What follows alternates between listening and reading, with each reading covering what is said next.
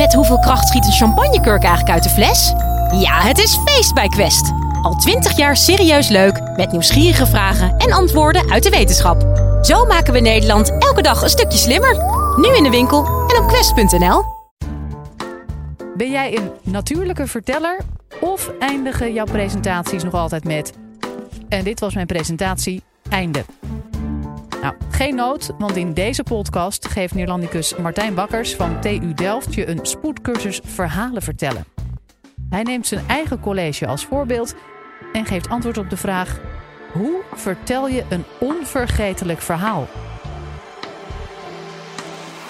Dit is de Universiteit van Nederland. Dames en heren, ik ga dit college afronden. Ja, dat is een beetje een rare opening hè, voor een college. Maar het slot van je presentatie is minstens zo belangrijk als die opening. En dit college zal ik jullie uitleggen hoe een goed slot van een presentatie ervoor kan zorgen dat het publiek je boodschap beter onthoudt. Hoe dat werkt, daar kom ik zo meteen op. Maar ik heb eerst een vraag aan jullie. Ik ben namelijk benieuwd naar hoe jullie precies presentaties afsluiten. Um, steek zo meteen je hand op als je presentatie wel eens op de volgende manier hebt afgesloten. Zo, dit was mijn spreekbeurt. Ja, wie heeft dat wel eens gedaan? Dit was mijn spreekbeurt. Nou, dat herkennen we allemaal wel, hè, van de basisschool ook. Um, en wie herkent de volgende afsluiting? And um, I guess, yeah, so I guess that's pretty much it. All right, thanks. Ja, wie herkent die afsluiting? Wel eens gezien, wel eens zelf gedaan? Ja, dat was het wel zo'n beetje. En dat wil je natuurlijk niet. Je wil daarom je slot niet afraffelen, zeker niet als je wil dat je publiek iets onthoudt van je presentatie. Hoe werkt dat dan eigenlijk precies? Um, hoe kun jij een onvergetelijk college geven?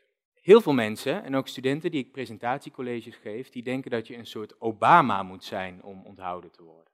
Dat het allemaal met charisma en met talent te maken heeft. En nu kan het natuurlijk helemaal geen kwaad als je zo goed kan presenteren als Obama. Dat helpt je vast. Um, maar ik, het goede nieuws is dat niet iedereen Obama hoeft te zijn. Er zijn technieken die iedereen kan toepassen. Um, en daar ben ik als retorica-onderzoeker in geïnteresseerd en daar gaat mijn onderzoek ook over. En voor ik daartoe kom, um, is het misschien eerst goed om even te kijken hoe wij precies informatie onthouden. Uit geheugenonderzoek blijkt dat het onthouden van informatie eigenlijk best ingewikkeld is. Als we informatie willen opslaan en later weer ophalen, dat is een behoorlijk ingewikkeld proces. Je zou je kunnen voorstellen dat we allemaal een enorme ladekast in ons hoofd hebben. En als we informatie onthouden, dan slaan we dat op in een laadje. Dat is misschien al lastig genoeg, maar de uitdaging is echt als je op langere termijn vervolgens datzelfde laadje weer terug wil zien te vinden en die informatie weer wil kunnen, toepassen. Uit geheugentheorieën weten we dat wij um, het onszelf iets makkelijker kunnen maken door te coderen als er allerlei informatie binnenkomt. We plakken eigenlijk een soort etiketje daarop. En dat doen we op een aantal verschillende manieren. We organiseren organisatie. Um, en dat betekent dat we bij elkaar zetten wat bij elkaar hoort. Dat we een hele grote stroom van informatie in wat behapbaardere brokken verdelen. Visualisatie is een belangrijk principe. We vormen ons een beeld erbij. Uh, we zien misschien een beeld en slaan dat makkelijker op.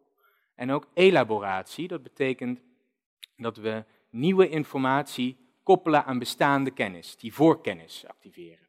Daar ligt eigenlijk als spreker een belangrijke kans in een presentatie. Als je als spreker de informatie waarvan jij die belangrijk vindt, op een goede manier weet te labelen, daar een etiketje op weet te plakken, dan uh, is de kans groot dat je publiek je belangrijkste boodschap onthoudt. Nou, klinkt makkelijk. Maar hoe doe je dat nou precies? Daar bestaan eigenlijk al eeuwenlang allerlei ideeën over. En de meeste van die ideeën die vinden we terug in dit soort adviesboeken. Presentatieadviesboeken. Bijvoorbeeld Talk Like TED. Willen we allemaal wel, denk ik. Of presenteren voor dummies. Nou, misschien hebben jullie zelf wel eens uh, zo'n boek ingekeken. Misschien heb je er wel een in de kast staan. Er zijn er heel veel van, dit is slechts een kleine selectie. En dit college gaat jullie tijd besparen. Want mijn collega's en ik hebben uh, een heleboel van dit soort boeken, die de afgelopen 30 jaar zijn gepubliceerd, hebben we doorgespit, hebben we systematisch geanalyseerd op zoek naar adviezen uh, over het onthouden van informatie. Wat zeggen die boeken nou eigenlijk allemaal? We vonden meer dan 80 technieken die daarmee verbonden worden volgens die adviseurs. Is heel veel. Jullie krijgen een service van de zaak. Ik ga jullie de meest genoemde adviezen presenteren. Uh, de drie do's en drie don'ts. Let op. Wat moet je doen volgens die adviseurs als je wil dat je informatie onthouden wordt? Nou, ten eerste, vat je verhaal samen aan het eind. Geef nog kort een overzicht van de belangrijkste kernpunten. Ten tweede, herhaal de belangrijkste informatie door je verhaal heen. He, daar zie je organisatie, structuur, zie je daar weer terugkomen. En dat kennen we misschien ook wel van belangrijke speeches. I have a dream. Yes, we can. Eindeloos herhaald in die toespraken. Tot slot, wat moet je doen? Vertel een anekdote. Vertel een verhaal. Een kort verhaaltje over jezelf of een situatie waar uh, het publiek zich in kan herkennen en waar het zich iets bij kan voorstellen. Dat moet je volgens die adviseurs doen. Maar wat moet je nou eigenlijk niet doen? Ten eerste moet je niet te veel informatie over je publiek uitstorten. Geen enorme bak met tips en wetenswaardigheden, maar hou het beperkt, breng er lijnen aan. Je moet ook je slot niet overslaan. En uh, wat je vooral niet moet doen, is afleidende visuele hulpmiddelen gebruiken. want dan let het publiek niet meer op jou, maar um, is de aandacht afgeleid. Nu zie ik jullie denken, hou jij je eigenlijk zelf wel aan die adviezen? Ja. Want wat doet die watermeloen daar eigenlijk de hele tijd? Ja, die doet er helemaal niks. Die voegt eigenlijk niet zoveel toe aan mijn verhaal. Um, dus die kan weg. Dat is precies wat je niet moet doen. Hou daar goed rekening mee. Oké, nou, dan denk ik dat we klaar zijn. Dan kan ik mijn college wel afronden. Want jullie weten wat je moet doen om onthouden te worden. Um, de keuze is reuze, heel veel technieken. Nou, niet helemaal. Er is namelijk een probleem met die adviezen. Ze zijn heel nuttig, ze zijn vaak gebaseerd op persoonlijke ervaring, reuze waardevol, maar ze zijn meestal niet voldoende onderbouwd. Door onderzoek bijvoorbeeld. Neem een techniek als de samenvatting, heel veel geadviseerd. Collega's en ik uh, hebben heel veel presentaties geanalyseerd van politici, wetenschappers. En we zien dat er samenvattingen voorkomen in allerlei soorten en maten. Lang, kort, vaag, soms super gedetailleerd. Die boeken zeggen heel weinig over wat de inhoud en vorm van een samenvatting nou precies moet zijn. Dat weet je eigenlijk niet zo goed als spreker. dat moet je zelf nog maar uitzien te vinden. Soms zijn die adviezen zelfs ronduit tegenstrijdig als het gaat over de aankondiging van het slot. Dames en heren, ik ga afronden. Wat moet je dan eigenlijk doen? Volgens sommige adviseurs is dat goed om te doen. Dan let het publiek extra op op je laatste woorden. Prima. Maar andere adviseurs zeggen, nee, doe dat nou niet, want dan gaan mensen alvast hun tas inpakken en denken ze helemaal niet meer na, letten ze helemaal niet meer op het slot. Het is nog heel onduidelijk. En daarom uh, hebben collega's en ik een aantal experimenten uitgevoerd naar een paar van die technieken, namelijk precies die aankondiging van het slot en de samenvatting. En die hebben met organisatie, met structuur te maken en dat zijn ook technieken die eigenlijk elke spreker goed zou moeten kunnen toepassen. Ik wil jullie even meenemen door de twee experimenten die we hebben gedaan, om erachter te komen wat nou eigenlijk het effect is van dat soort technieken. Helpen ze echt met het onthouden van informatie? Nou, ten eerste de aankondiging van het slot. Dames en heren, ik ga afronden. Daarvoor schreven we twee versies van een presentatie. Eentje met en eentje zonder aankondiging van het slot. Uh, we vroegen onze collega Bob om uh, dat te presenteren. En jullie zien hier um, de aankondigende slotzin uit die presentatie. Ik rond af met de volgende opmerkingen. Heel kort zinnetje en eigenlijk een miniem verschil tussen die twee versies. We lieten een van deze versies zien aan uh, eh, 250 studenten aan de TU Delft. En um, we gaven ze achteraf een vragenlijst met vragen over de presentatie. En wat bleek? Studenten die die versie met de aankondiging van het slot hadden gezien, konden de informatie die in het slot was genoemd beter onthouden dan studenten die uh, die andere versie hadden gezien. Significant beter. En Um, dat weten we ook omdat we nieuwe informatie in dat slot hadden gestopt die niet eerder in die toespraak voorkwam. Oké, dat is fijn. De aankondiging van het slot lijkt dus te werken en de aandacht te trekken. Hoe zit dat nou met uh, de samenvatting? Daar hebben we eigenlijk eenzelfde soort experiment naar gedaan. Nu schreven we van één presentatie uh, drie versies. Eén zonder samenvatting, één met een soort vage, oppervlakkige samenvatting en één met een informatieve samenvatting, waarin de spreker echt de kernpunten nog eens op een rijtje zet. De presentatie ging over framing, een communicatiestrategie die door politici bijvoorbeeld heel vaak wordt toegepast. En deze keer werd hij niet gepresenteerd door Bob, maar door Tommy. En Tommy die gaat jullie nu de vage, oppervlakkige samenvatting presenteren.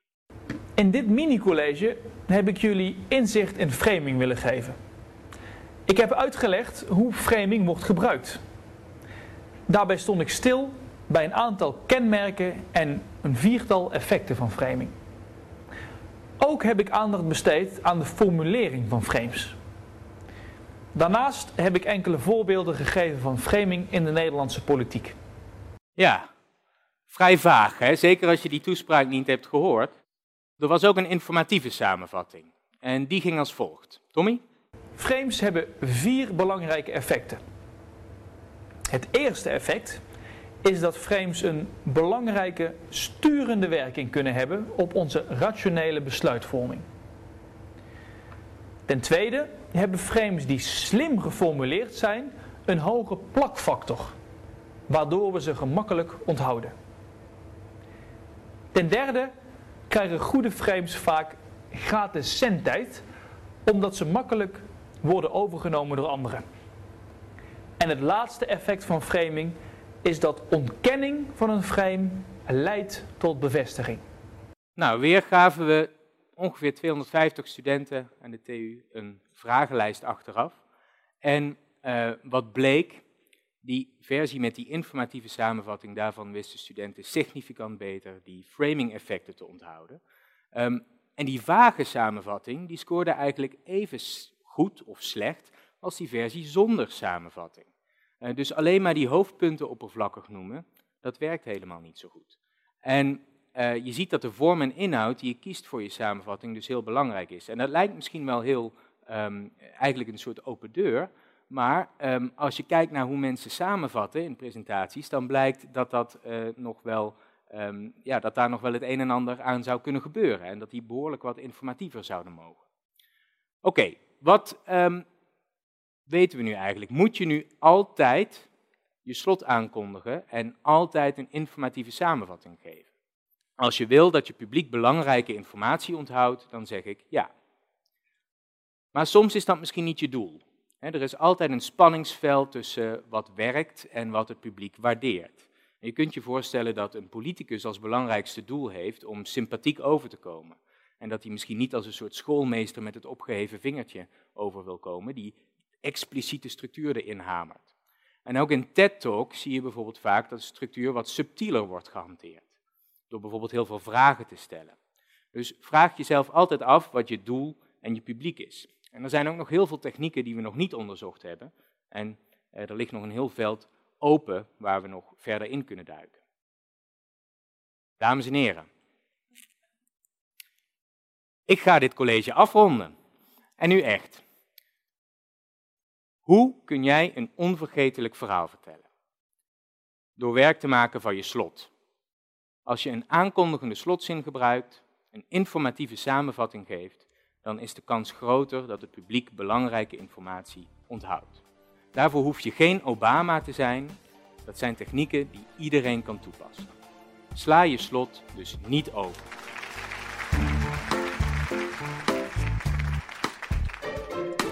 Dit was de Universiteit van Nederland. Wil je nou nog meer wetenschappelijke antwoorden op spannende vragen? Check dan de hele playlist.